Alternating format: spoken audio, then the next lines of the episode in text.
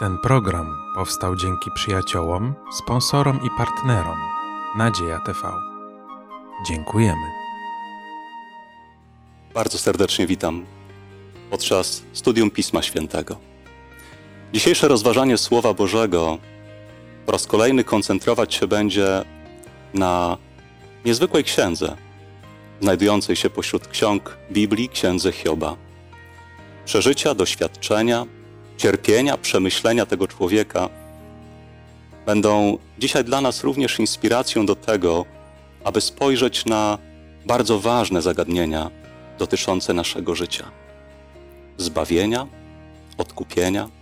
A chcemy na tą księgę Hioba spojrzeć dziś w kontekście innych ksiąg Pisma Świętego. Jesteśmy w Kościele Adwentystów Dnia Siódmego w Podkowie Leśnej i niech to studium będzie dla wszystkich wielkim błogosławieństwem.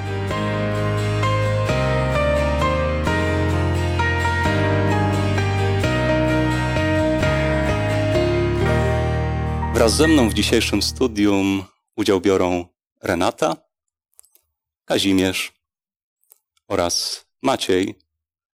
Ja na imię, na imię mam Piotr. Chcemy, otwierając Pismo Święte, prosić o Boże błogosławieństwo w modlitwie. Kochany Panie Boże, dziękujemy Ci za tą możliwość, jaką nam dajesz, aby studiować Słowo Twoje święte i Księgę Hioba. Prosimy Cię, abyś był wśród nas obecny Duchem Twoim Świętym, dawał nam dobre myśli. Prosimy Cię, abyśmy mogli poznawać Ciebie z każdym dniem coraz lepiej, a za to, Panie, co Ty czynisz, Tobie niechaj będzie chwała i cześć na wieki wieczne. Amen. Tytuł dzisiejszego studium to Odkupiciel Hioba. I pozwólcie, że rozpoczniemy od przeczytania fragmentu Pisma Świętego, który w tak idealny sposób wprowadzi w nas w to rozważanie pod tym wspólnym tytułem. Przeczytajmy 19 rozdział Księgi Hioba i tam wersety od 25 do 27. Lecz ja wiem, że odkupiciel mój żyje i że jako ostatni nad prochem stanie. Że potem, chociaż moja skóra jest tak poszarpana, uwolniony od swego ciała będę oglądał Boga. Tak, ja sam ujrzę Go i moje oczy zobaczą Go, nie kto inny. Moje nerki zanikają we mnie, za tym tęskniąc. Doświadczenia Hioba opisane w tej księdze, to co przeżywał, bardzo często powodowało, że zadawał różnego rodzaju pytania. Wiele nie wiedział. Miał wiele pytań dotyczących życia, cierpienia, śmierci, przyszłości, tego co przeżywa, dlaczego spotkały go pewne doświadczenia. Ale tutaj natrafiamy na jego słowa, które rozpoczynają się w następujący sposób. Lecz ja wiem. Jest coś, czego wydaje się bardzo pewien. Co to jest? Co tak szczególnie w sercu Hioba miało miejsce takiej pewności, takiego przekonania? Hiob wie, że jego odkupiciel żyje. Chociaż, chociaż wiemy, że zbyt wiele nie wiedział. E, I ta historia dzieje się na wiele, wiele setek lat przed przyjściem Jezusa Chrystusa na tą ziemię. E, I to jest, to jest dla mnie piękne, że, że tego każdy człowiek może być pewien, że mój odkupiciel żyje. A nawet jak patrzymy na Hioba, to on mówi później też, że moje nerki zanikają we mnie, za tym tęskniąc. Hiob tęskni za swoim odkupicielem, za Zbawicielem. Dla mnie to jest bardzo budująca i wspaniała myśl. Właśnie ciekawą tutaj myślą jest także to, że Hiob wyraża e, nadzieję zmartwychwstania. On doskonale wie, że to, co się teraz z nim dzieje i najprawdopodobniej przykry koniec, który go spotka, to nie jest koniec tych wszystkich rzeczy, to nie jest e, koniec jego egzystencji, ponieważ pomimo tego, iż teraz może nas śmierć spotkać, to w przyszłości przyjdzie Jezus. I przecież te słowa, które tutaj mówią o tym, że On jak ostatni nad prochem stanie, to właśnie mówi o tym, że Jezus w pewnym momencie przyjdzie i On zawoła nas. On staje nad naszym prochem, gdyby śmierć się zdarzyła. Tak. Pan Jezus, sam będąc na tej ziemi, powiedział kiedyś, iż pisma, księgi Starego Testamentu świadczą o nim. Jedną z tych ksiąg jest również Księga Hioba. Hioba, który wyraża tą wiarę w odkupiciela. Wyraża tą pewność, że jest ktoś, kto jest jego odkupicielem, ktoś, kto może jemu pomóc. Ktoś, kto, chociaż jak w poprzednich rozdziałach, w końcowych rozdziałach Księgi Hioba czytamy, Bóg objawia się jako Stwórca, jako ten, który w majestacie, w potędze stworzył wszystko. Bóg nie tylko jest Stwórcą, tylko biorę w cudzysłów, ale jest również kimś więcej. Jeżeli otworzymy Ewangelię Jana, pierwszy rozdział tej Ewangelii, to znajdziemy tam obraz Boga, który objawia się i jako Stwórca, ale także jako ten, kto przyszedł na tą ziemię w szczególnym celu. Przeczytajmy z tego rozdziału wersety od trzeciego do piątego. Wszystko przez nie powstało, a bez niego nic nie powstało, co powstało. W nim było życie, a życie było światłością ludzi. A światłość świeci w ciemności, lecz ciemność jej nie przemogła. Tak, wszystko powstało przez Niego, przez to słowo, którym we wcześniejszych wersetach pisze apostoł Jan, ale to słowo, które, przeczytajmy jeszcze proszę werset czternasty, A słowo ciałem się stało i zamieszkało wśród nas. I ujrzeliśmy chwałę Jego. Chwałę, jaką ma jedyny Syn od Ojca, pełne łaski i prawdy. Dziękuję. W jaki sposób apostoł Jan na początku swojej Ewangelii y, łączy te elementy ukazujące Pana Jezusa i jako Stworzyciela, ale również jako Zbawiciela ludzkości? E, Piękną myśl, którą podaje tutaj apostoł Jan, jest właśnie to, że Pan Jezus, będąc Bogiem, będąc Stwórcą, e, zszedł właśnie z nieba a do swojej własności i no, jak to akurat apostoł, e, apostoł Paweł określił, przybrał postać sługi, czyli bierze w pełni odpowiedzialność za to, za co stworzył i co więcej, pragnie także naprawić to, co my jako ludzie zepsuliśmy. Tak, został przedstawiony tutaj jako ta światłość, która przyszła na ten świat ciemności. Światłość bardzo często w Piśmie Świętym określa, symbolizuje Boga, Jego obecność. Ciemność to grzech, to zło. Światłość przyszła na ten świat, a ta ciemność jej nie pokonała, nie zwyciężyła.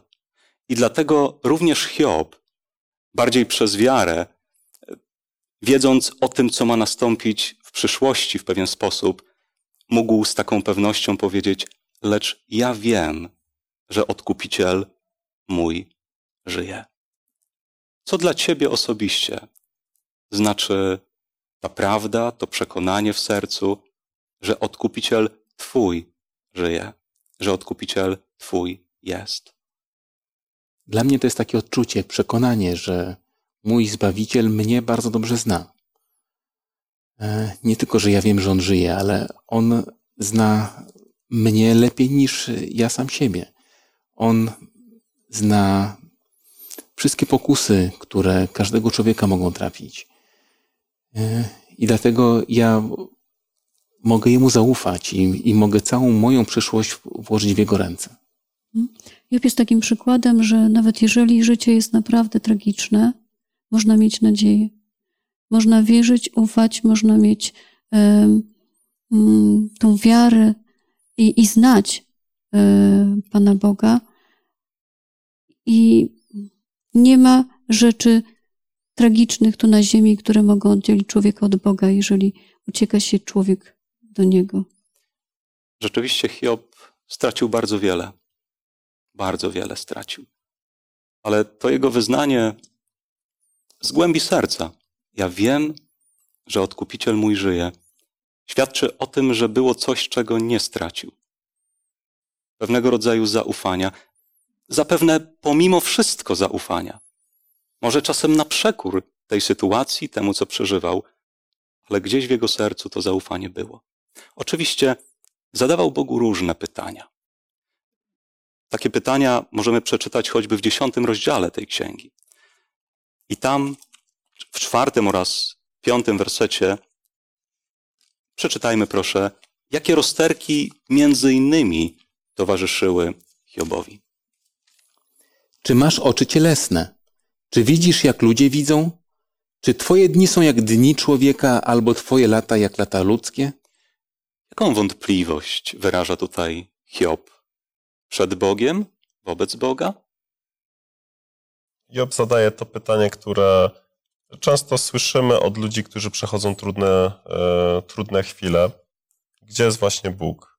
Czy Bóg zna moje cierpienie? Przecież On jest w niebie, On żyje w zupełnie innych warunkach. No, poniekąd czasem nie można, nie można się dziwić, że ludzie takie pytania zadają, ponieważ, no, ponieważ jak się nie zna dobrze tego, przez co Pan Jezus przeszedł, tutaj będąc na ziemi, to można mieć wątpliwości, czy aby wszystko jest w porządku na tej ziemi, czy wszystko idzie zgodnie z wolą Bożą.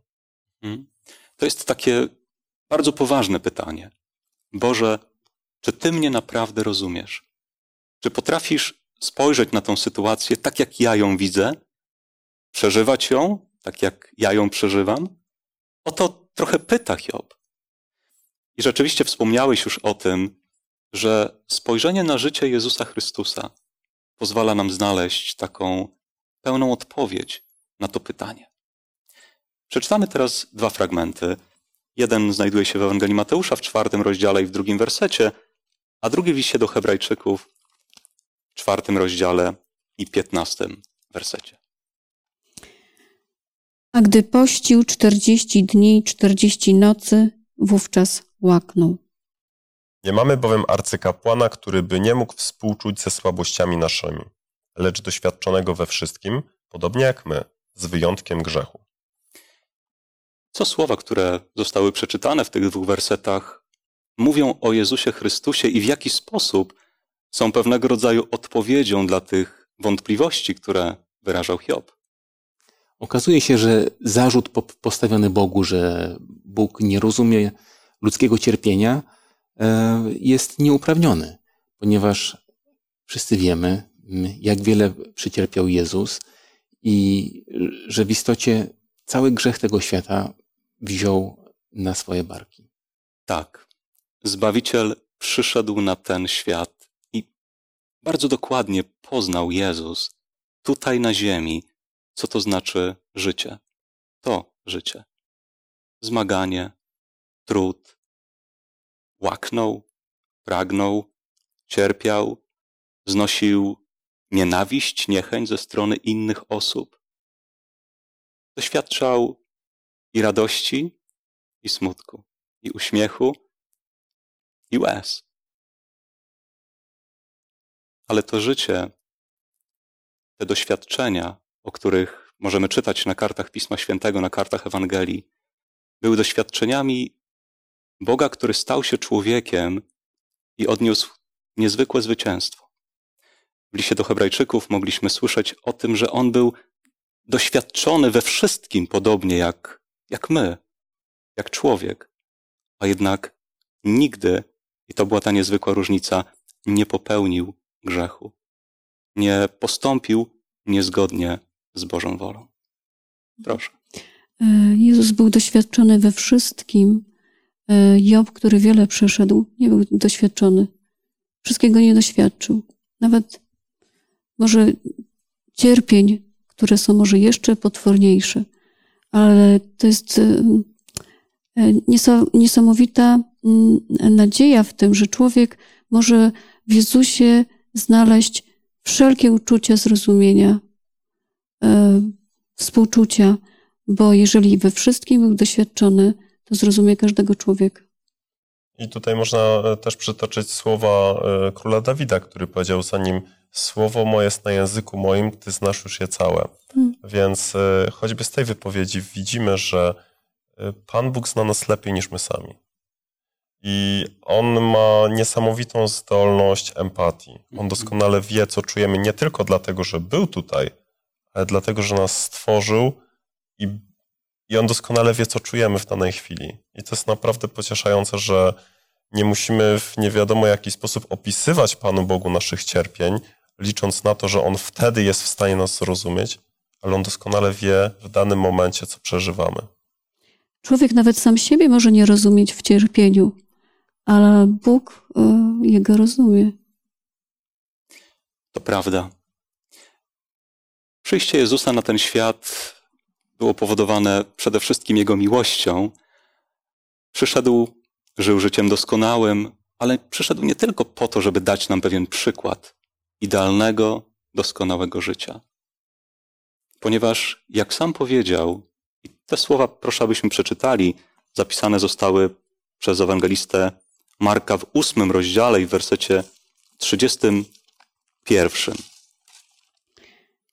I zaczął ich pouczać o tym, że syn człowieczy musi wiele cierpieć, musi być odrzucony przez starszych, arcykapłanów oraz uczonych w piśmie i musi być zabity, a po trzech dniach zmartwychwstać. Tak, przyszedł nie tylko dać przykład szlachetnego, sprawiedliwego życia, ale przyszedł z tego powodu, że w życiu każdego człowieka zabrakło tego szlachetnego i sprawiedliwego życia.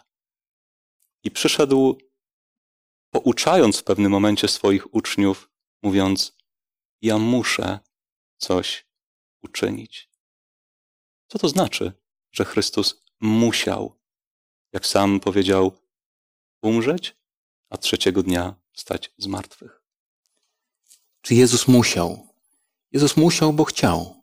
Dlatego, że On każdego z nas miłuje i on, on zaplanował ten plan zbawienia dla każdego człowieka. Częścią tego planu było to, że On zapłacił karę za nasze grzechy. I dlatego można powiedzieć, chciał dobrowolnie poświęcić się po to, żebyśmy my mogli otrzymać zbawienie i życie wieczne razem z Nim. To bardzo ważne, co, co powiedziałeś. Pan Jezus dobrowolnie przyszedł na ten świat i przyjął również dobrowolnie na swoje serce ciężar grzechów, grzechów popełnionych przez ludzi. Ale w tych słowach, które mówi do apostołów, jest jakby: Jeżeli mam być odkupicielem, jeżeli ktokolwiek może mieć szansę na odkupienie, na zbawienie, to ja muszę pójść tą drogą, która wiedzie przez śmierć, przez Golgotę, przez krzyż, po to, aby stać się zbawicielem dla, dla ludzi. I już Hiob, ten starożytny patriarcha, wyrażał tą gorącą wiarę w Zbawiciela, w Odkupiciela, mówiąc: Ja wiem, że On, że On jest, że On żyje. Przeczytajmy pewien fragment, który pisząc list do Galacjan, apostoł Paweł napisał w drugim rozdziale i w dwudziestym pierwszym wersecie znajdują się te słowa. List do Galacjan jest listem, w którym Paweł w pewien sposób napomina ten zbór, ten kościół, ponieważ był to kościół, który przyjął łaskę Chrystusa, przyjął zbawienie jako dar od Boga, ale potem w wielu sercach gdzieś powstała taka myśl, że jednak nie, że powinniśmy coś zrobić, żeby na to zbawienie zasłużyć, zapracować. I w drugim rozdziale, w 21 wersecie, znajdujemy następujące słowa.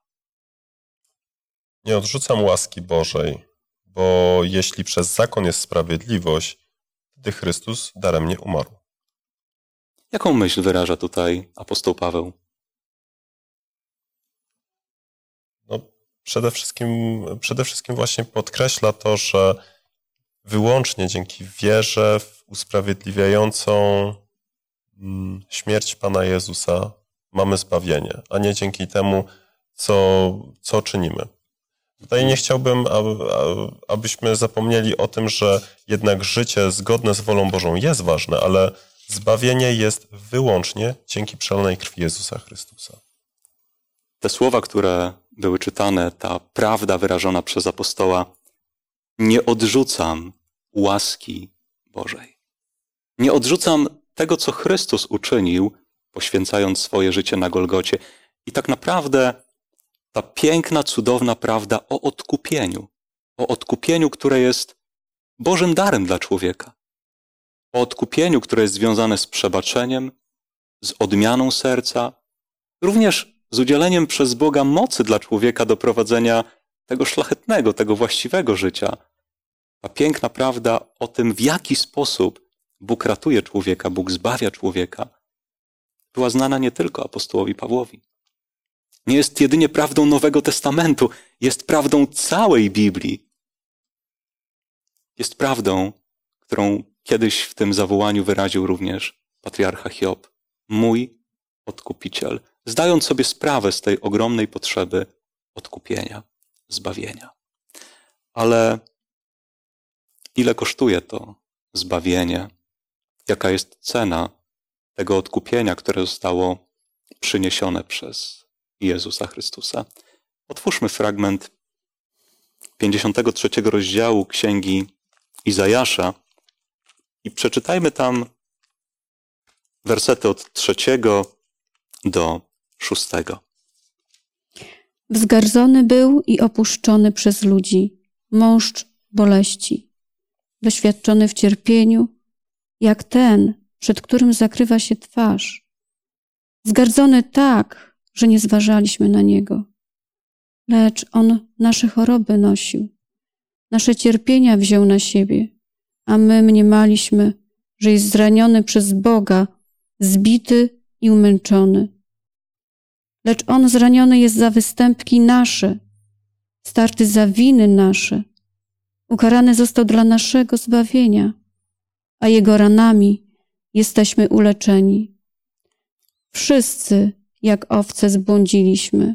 Każdy z nas na własną drogę zboczył, a Pan Jego dotknął karą za winę nas wszystkich. Zadziwiające i przejmujące słowa proroctwa pokazującego setki lat wcześniej, czego doświadczy na tej ziemi Mesjasz, odkupiciel. Właściwie moglibyśmy w takim zadziwieniu i podziwie i milczeniu spędzić wiele chwil, rozmyślając o tym opisie, o tym opisie obrazującym naszego odkupiciela. Jaka była cena odkupienia? Co ten opis mówi nam o nim i o tej niezwykłej cenie. Myślę, że do końca nie jesteśmy w stanie zrozumieć, jaką cenę e, Bóg poniósł, bo jesteśmy grzeszni. Jaką cenę mogła e, ponieść istota, która była bezgrzeszna, która była tak wrażliwa, że mm, najczulej jak tylko e, pochylała się nad każdym stworzeniem, szczególnie nad człowiekiem.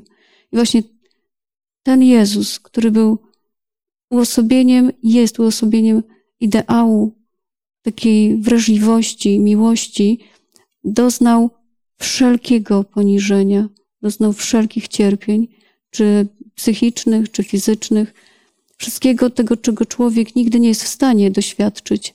Tego doświadczył Jezus. I nam, ludziom, którzy jesteśmy gruboskórni, trudno jest y, zrozumieć, jak wielkie to musiało być cierpienie. Tutaj można też dodać, jaką determinacją Pan Jezus musiał się wykazać, mhm. ponieważ my nie wiemy, co nas w przyszłości czeka. I, I Bogu dzięki, bo mogłoby być to dla nas straszne, ale Pan Jezus doskonale wiedział, zanim przyszedł na ziemię, jakie będą koleje Jego życia i jaki ma być koniec Jego tutaj życia na ziemi. Więc y, ja naprawdę podziwiam Pana Jezusa za to, że On był w stanie jeszcze innych podnosić na duchu, wiedząc, co za chwilę go spotka. To jest niesamowity obraz Jego miłości i tego, jak On potrafi współczuć drugiemu człowiekowi. Tak, ten obraz nakreślony tutaj w proroczej wizji przez Izajasza pokazuje Mesjasza, wiemy Jezusa Chrystusa, jako tego, który był zgardzony, tego, który był opuszczony, jako tego, przed którym ktoś zakrywał twarz, jakby chcąc wyrazić, nie chcę patrzeć na ciebie, jesteś tak poniżony, zaliczony do przestępców, ale Izajasz jeszcze raz tak bardzo uświadamia nam, Pismo Święte tak bardzo uświadamia nam tą prawdę, dlaczego to wszystko, z jakiego powodu to wszystko. I w tych czytanych wersetach, szczególnie w wersecie czwartym, piątym, pojawiają się te słowa: On nosił choroby, nosił cierpienia. Czyje? nasze. On był zraniony za występki. Nasz. Za czyje? I znów pojawia się to słowo za nasze. On doznał tego poniżenia, został ukarany z czyjego powodu? Znów moglibyśmy odpowiedzieć z naszego powodu. Naprawdę to jest cudowne. To jest niezwykłe. Kiedy tak głęboko, na ile jesteśmy w stanie, pomyślimy o tym, co się stało na krzyżu Golgoty, jakiego rodzaju cierpienia Chrystus przeżywał, kiedy przyjmował na swoje niewinne, szlachetne serce cały ciężar grzechu tego świata. A najsmutniejsze, że człowiek nie jest w stanie tego zobaczyć. Bo, tak jak przeczytaliśmy, mniemali, że jest zraniony przez Boga. Człowiek w swoim, swojej zatwardziałości może naprawdę wiele nie widzieć tak oczywistych spraw, tak oczywistej miłości, tak oczywistego szlachetnego, tak oczywistej szlachetnej postawy. To, to jest zadziwiające, że my możemy, ludzie grzeszni, nie dostrzegać Bożego charakteru, Bożej miłości, Bożej prawdy. Że Jezus nie tylko był niedoceniony, e, choć chociaż i mm, obojętność w stosunku do Niego na pewno, na pewno jest e, dla Boga bardzo przykra, ale wręcz był pogardzany przez, e, przez ludzi za to, co dla nas uczynił.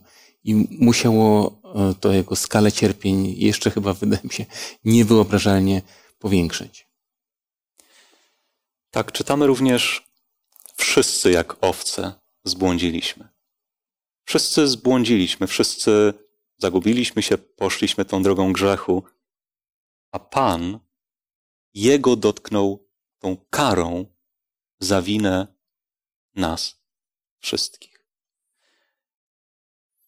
To jest niepojęte, ale to jest ta potęga i ogrom Bożego poświęcenia, Bożego oddania dla człowieka.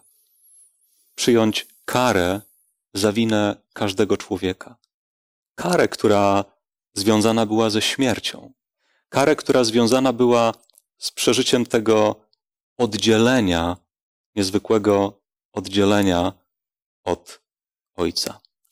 Hiob, gdy przeżywał swoje doświadczenia, również gdzieś w tą relację pomiędzy nim a Ojcem, a Bogiem, można powiedzieć, tej relacji zebrały się pewne chmury, które przesłaniały mu te chmury cierpienia, te chmury doświadczenia, które przesłaniały mu tą prawdę o Bogu, to wyraźniejsze spojrzenie. Pan Jezus przyjął na swoje serce tą karę za winę wszystkich, po to też, aby na naszym miejscu, zamiast nas, doświadczyć tej śmierci, której nikt nie musi doświadczać, jeżeli podobnie jak Hiob powie: Jesteś moim odkupicielem, jesteś moim zbawicielem, jesteś tym, który może uratować także mnie. Kiedy patrzymy na to, co stało się na wzgórzu Golgoty, to bardzo pomaga nam zrozumieć również Księgę Hioba te doświadczenia, które przeżywał Hiob. To w kontekście krzyża o wiele więcej możemy zrozumieć, zobaczyć, znaleźć odpowiedzi na pytania, które, które Hiob zadawał.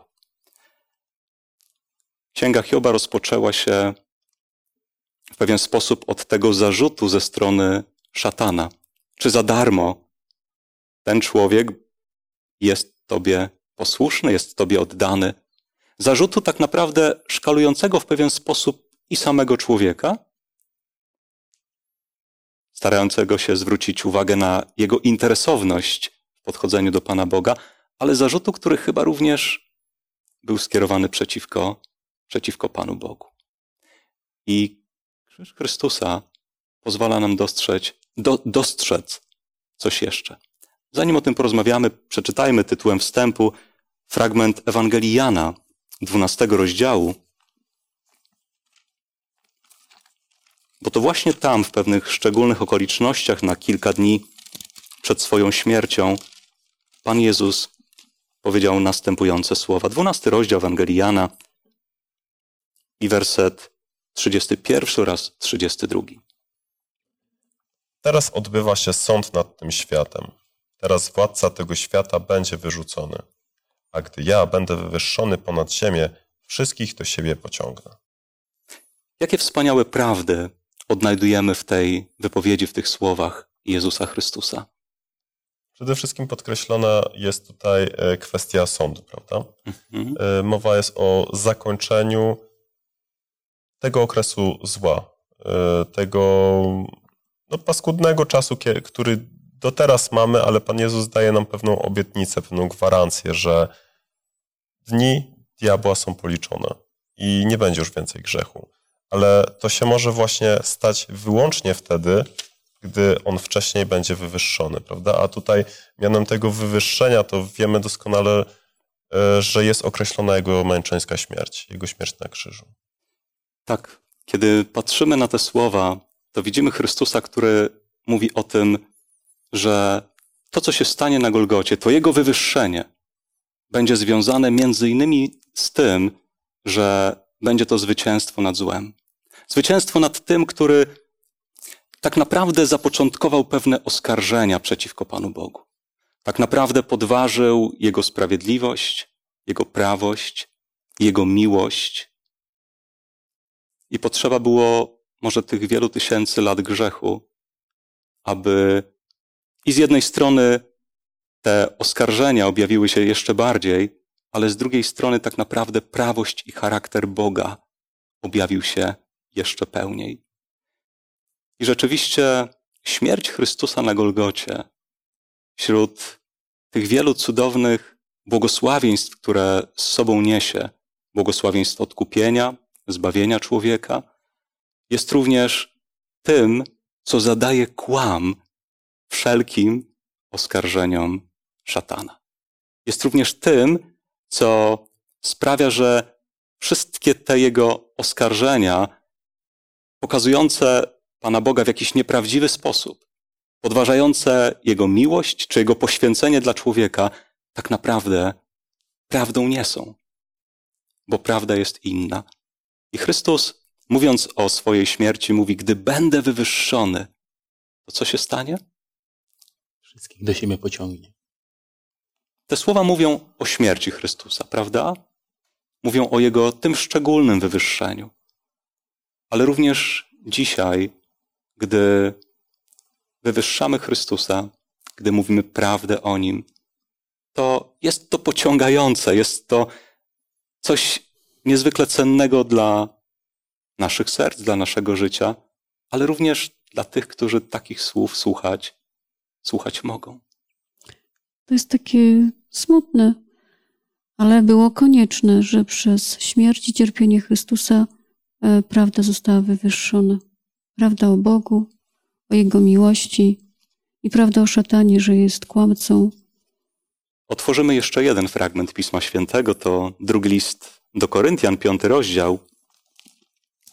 I tam werset dziewiętnasty. To znaczy, że Bóg w Chrystusie świat z sobą pojednał, nie zaliczając im ich upadków i, i powierzył nam słowo pojednania. W jaki sposób śmierć Chrystusa jedna ludzkość z Bogiem? Jedna nas w ten sposób z Bogiem, iż to grzechy nasze nas od Boga oddzielają. Czyli Chrystus, który poprzez swoją śmierć zmywa nasze grzechy, usuwa je, pojedna nas z Bogiem. Usuwa tą, mm, tą barierę, która nas od Boga oddziela. Przybliża nas ponownie. E, Pozwala wytworzyć ponownie społeczność z Bogiem.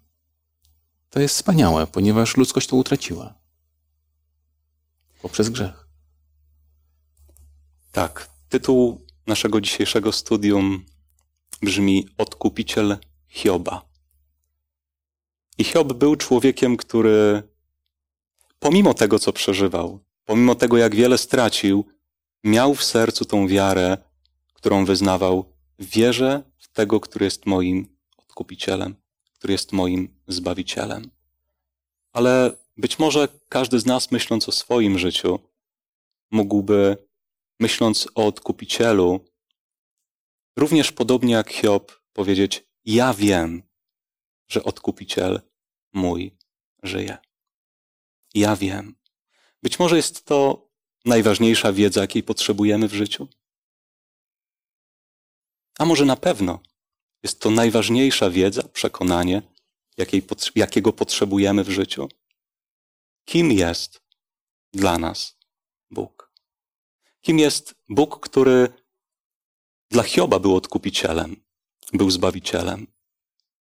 Czy każdy z nas mógłby z taką ufnością, z takim przejęciem, pokorą, ale jednocześnie wiarą powiedzieć: Wiem, dlatego że tą pewność przez pojednanie, przez przebaczenie, przez usprawiedliwienie Bóg włożył w nasze serce.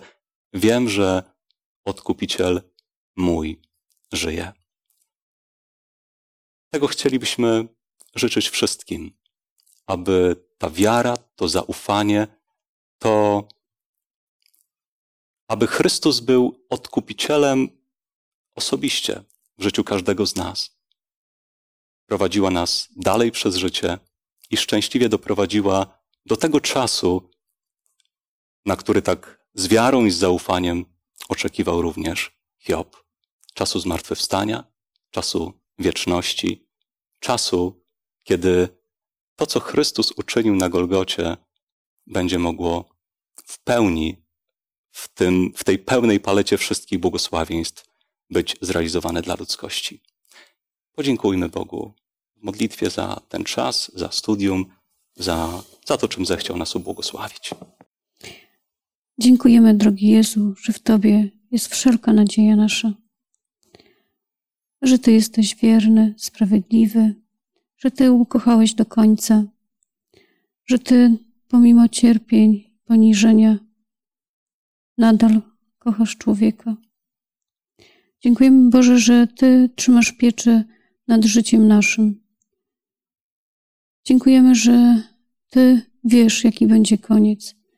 I prosimy Boże, pobłogosław, abyś, tak jak Job powiedział, tak my również mogli zawsze mówić, wiemy, że Ty, Boże, staniesz nad naszym grobem i że Ty nas z martwych zbudzisz i będziemy żyli wiecznie z Tobą. O to proszę, o tę nadzieję, by zawsze była żywa, gorąca, podyktowana miłością do Ciebie. W drogim imieniu Jezusa prosimy. Amen. Amen. Amen. Dziękując serdecznie za udział w dzisiejszym studium, chciałbym bardzo gorąco zaprosić na kolejne studium, tym razem zatytułowane Charakter Hioba, gdzie będziemy mogli, korzystając z tej cudownej księgi Starego Testamentu, księgi Hioba, znów odkrywać cudowne prawdy Pisma Świętego. Bardzo serdecznie zapraszam.